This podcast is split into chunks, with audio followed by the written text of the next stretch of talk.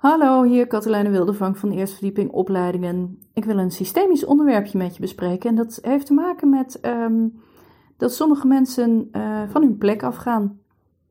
Dat ze zich bemoeien met zaken waar ze zich niet mee moeten bemoeien. Dat je denkt van, uh, joh, laat me, je hoeft niet voor mij te zorgen. En, um, en dan specifiek rondom één themaatje. Ah, dit klinkt lekker wazig en, en mysterieus. Ik zal het uitleggen. Nou, bij het begin beginnen. Ik heb drie kinderen. En ik zeg wel eens, ik heb eigenlijk een vreselijke hekel aan kinderen. Behalve die van mezelf, die vind ik wel leuk. En is natuurlijk hartstikke fout om, uh, om zo te zeggen. Um, maar ik vind kinderen lang niet altijd leuk. En er is een bepaald uh, soort kinderen waar ik echt uh, nou, niet goed van word. En dat zijn kinderen die zich uh, gedragen alsof ze mm, bijna mijn mama zijn, mijn geweten zijn. Uh, soms zijn er van die speelvriendjes, vriendinnetjes over de vloer dat je denkt, doe jij even gewoon alsof je acht bent en niet alsof je zestien bent. Ik ben benieuwd of je dat herkent. Dat noemen we van je plek afgaan. En uh, waarom ik daar zo'n enorme hekel aan heb, is waarschijnlijk omdat ik dat zelf gigantisch veel gedaan heb als kind. Want ik heb heel vaak te horen gekregen van, joh, je gedraagt je niet naar je leeftijd. Je gedraagt je, uh, je wilt te veel in de volwassen wereld zijn. En um, nou, deels kan je dat dan gooien op uh, hoogbegaafdheid en dat soort dingen. Um, want ja, als je wat, wat uh, sneller en slimmer denkt dan, dan doorsnee, dan kan het zijn dat het leuker is bij volwassenen. Maar het heeft ook iets met iets anders te maken waar ik vroeger dus echt geen zak van snapte. En wat ik nu denk, oh ja, maar dat, dat was het dus. In het systemisch werk gaan we ervan uit dat, er, uh, dat iedereen zo zijn plek heeft. En de volwassenen zijn de volwassenen en de kinderen zijn de kinderen.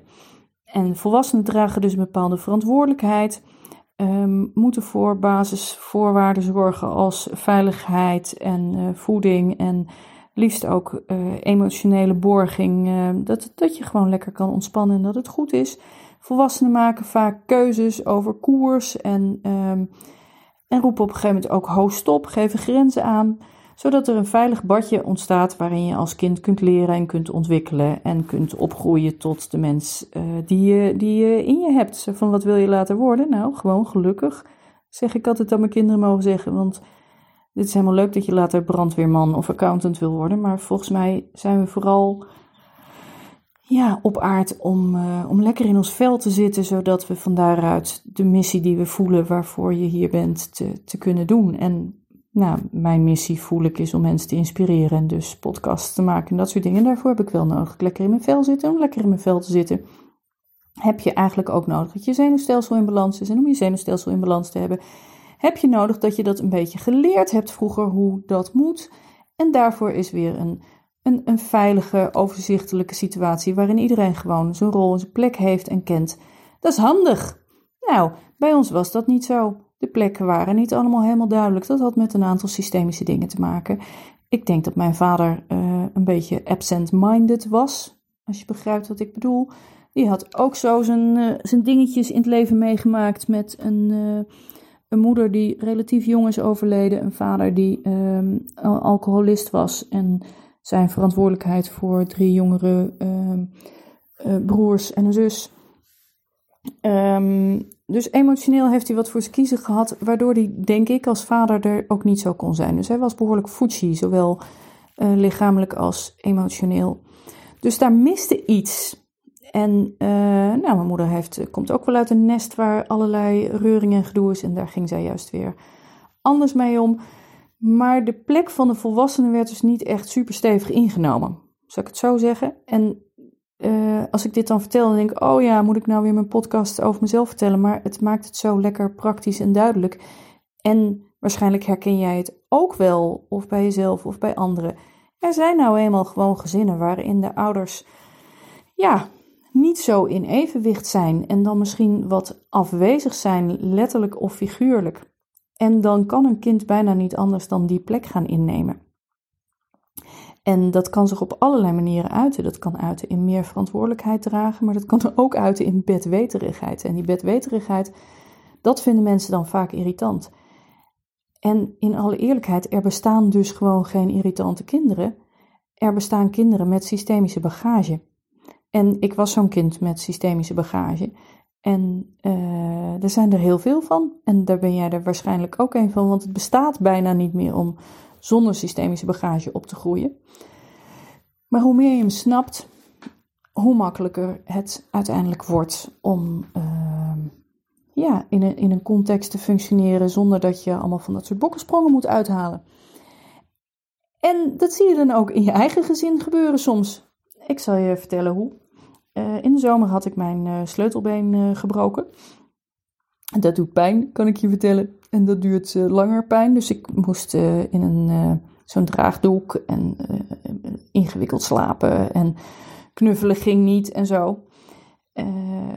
en na een week of twee, ik ging er eigenlijk wel prima mee om, moet ik zeggen was dochterlief een beetje oversturen en in tranen. En er komt niet zo snel uit wat er dan in zit. Maar uiteindelijk hoorden we: Ja, maar we knuffelen nooit meer. Ik denk: Ach, kind, we knuffelen nooit meer. Dat klopt. Dus je bent. Uh, en ik was me daar zelf niet zo van bewust. En ze was dus heel goed voor mij aan het zorgen door überhaupt geen knuffel aanvragen meer te doen, zeg maar. Daar begint het al, heel klein, dat zij voor mij beslist dat ze geen knuffelaanvragen meer doet, terwijl ze die eigenlijk wel nodig heeft. Dus ik heb er gezegd, ach meisje, vertrouw nou maar dat als je tegen me aan mag liggen, ik heb ook een goede kant, dus kom maar aan deze kant liggen. En, dus ik heb daarop gelet dat we wat meer gingen knuffelen en dacht, daarmee is de kous af. Maar nee, want dit meisje heeft ook de neiging om meer verantwoordelijkheid op de schouders te laden, uh, zoals anderen dat uh, vast ook herkennen. Dus op een gegeven moment uh, zei kom we gaan knuffelen. Nee, dat kan niet, want jouw schouder doet pijn. En ik dacht, sorry, maar we zijn inmiddels vier tot zes weken verder en ik kan ook met mijn linkerkant wel weer knuffelen. Dus ik merkte dat ze mij ging overroelen, dat ze voor mij ging zorgen. En toen ik daar een beetje op ging letten, merkte ik dat dat op heel veel meer manieren gebeurde. Ze moet nu een uh, dieet volgen uh, voor, de, voor de darmen, um, glutenvrij. En glutenvrije producten zijn duurder dan niet glutenvrije producten. En ik kwam op allerlei maniertjes erachter dat ze daarmee bezig was. Dus dat ze dan een, uh, hadden we een bepaald brood uitgezocht en die vond ze niet zo lekker, maar ze at hem wel op, want ze moest voor mij zorgen, voor mijn portemonnee zorgen. Uh, want het was duurder dus. En ik merkte dat op allerlei gebieden. Dat ik dacht, oh meisje, wat schep jij een boel op je schouders wat niet bij jou hoort? Wat neem je een boel verantwoordelijkheid? Alleen zij nam het niet op een irritante manier dat de buitenwereld denkt, doe eens niet zo bij de hand. Nee, ze deed het op de introverte van binnen manier, waardoor wij niet door hadden hoe druk ze het had met verantwoordelijk zijn voor allerlei dingen waar ze niet verantwoordelijk voor is. En omdat ze op mij lijkt, neemt ze dan allerlei thema's van mij over. En ik heb veel met schaarste en overvloed. Um, dat is een andere podcast, gaat lekker over het systemische thema van, uh, van mijn Joodse familie. En, uh, en die pikt ze dus haar fijn op. Dus en ze neemt mijn systemische thema's lekker over. En vervolgens wil ze ook nog een stuk verantwoordelijkheid dragen. Ik denk dat die bij de papa vandaan komt. Heel goed voor andere mensen zorgen. Dat zit dan weer uh, aan, de, aan de spekkant. En in dat stuk zorgen, dat uh, onzichtbaar doen, waardoor je er zelf last van kan hebben en andere mensen niet doorhebben dat je zo hard voor ze aan het zorgen bent ik denk, oh meisje. Nou, en dan is het leuk als je dit soort patronen ziet en herkent, dat je dat hier nu in het klein al een beetje kan gaan bijsturen. Zodat het niet. Uh, nou, dit is burn-out preventie, hè? Als jij dat herkent van te hard werken, te hard zorgen voor andere mensen, verantwoordelijkheid nemen die niet bij je hoort, dan herken je vast ook dat je dat al deed toen je 12 was, zoals zij nu is. En misschien ook al wel toen je 8 was. Alleen op een weer een andere vorm, want je kan steeds beter een vorm vinden die voor volwassenen oké is. Dus moet ik geregeld tegen haar zeggen: Meisje, ik draag het. Dus jij hoeft niet na te denken over wat iets kost, want ik betaal het. Ja, maar dat kost jou dan geld. Ja, lieverd, maar ik heb liever dat het mij nu geld kost dan dat jij er gedoe en fus van hebt. Oh, echt? Ik zeg, meisje, je bent twaalf. En soms mag je het gewoon aan ons overlaten. Oh ja. En soms moet ik nog duidelijker zeggen: je bent pas 12. Omdat ze zo verantwoordelijk is en zoveel zelf kan ook. En dan is het handig om ook weer even te weten: je bent pas 12. Dus de grote mogen voor jou zorgen en jij hoeft niet voor de grote te zorgen. Dus ze mag de verantwoordelijkheid nemen die bij haar leven past. En dat is hondje uitlaten en je huiswerk maken. Maar ze hoeft niet de verantwoordelijkheid te nemen voor mijn bankrekening en ook niet voor mijn sleutelbeen, schouder enzovoort.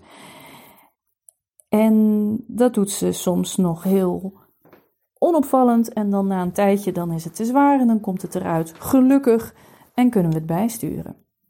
Hoeveel verantwoordelijkheid ben jij gaan dragen, onopvallend, zonder dat mensen het doorhebben, waarvan je eigenlijk voelt dat het te zwaar is, dat je zo af en toe er bijna van moet huilen of niet meer naar je werk wil of uh, wil dat iemand is voor jou zorgt. En geloof me, dan is dat vaak al heel jong begonnen met dat je veel te vroeg nou, op eigen pootjes moest gaan staan, dingen naar je toe trok en dat er dan niet iemand was die tegen je zei: Moppie, hier ben je nog te klein voor.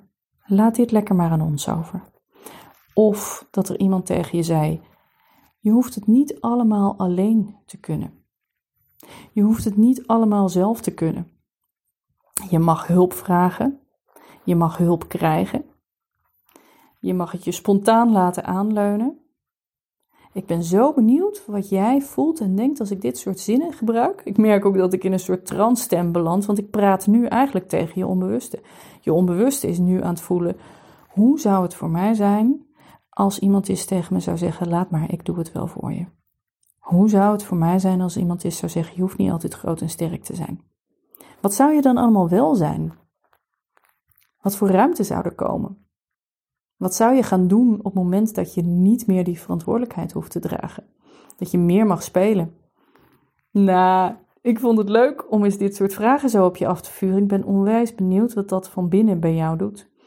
En dat doet me eraan denken, als ik dit zo doe, dat we gewoon lekker ook eens wat uh, transoefeningen gaan opnemen. Ga ik samen met mijn uh, lieve collega René doen. Um, waardoor je onderliggende overtuigingen en gedachten en systemische patronen die maken dat je bijvoorbeeld veel te veel verantwoordelijkheid draagt in het leven, dat je die langzaam wat los kan gaan laten. Dus um, er komen nieuwe soort podcasts aan met, uh, met oefeningen die je lekker kan doen, kan volgen om wat dingetjes te veranderen in je leven. Ik hoop dat je dat leuk vindt. Tot een volgende keer.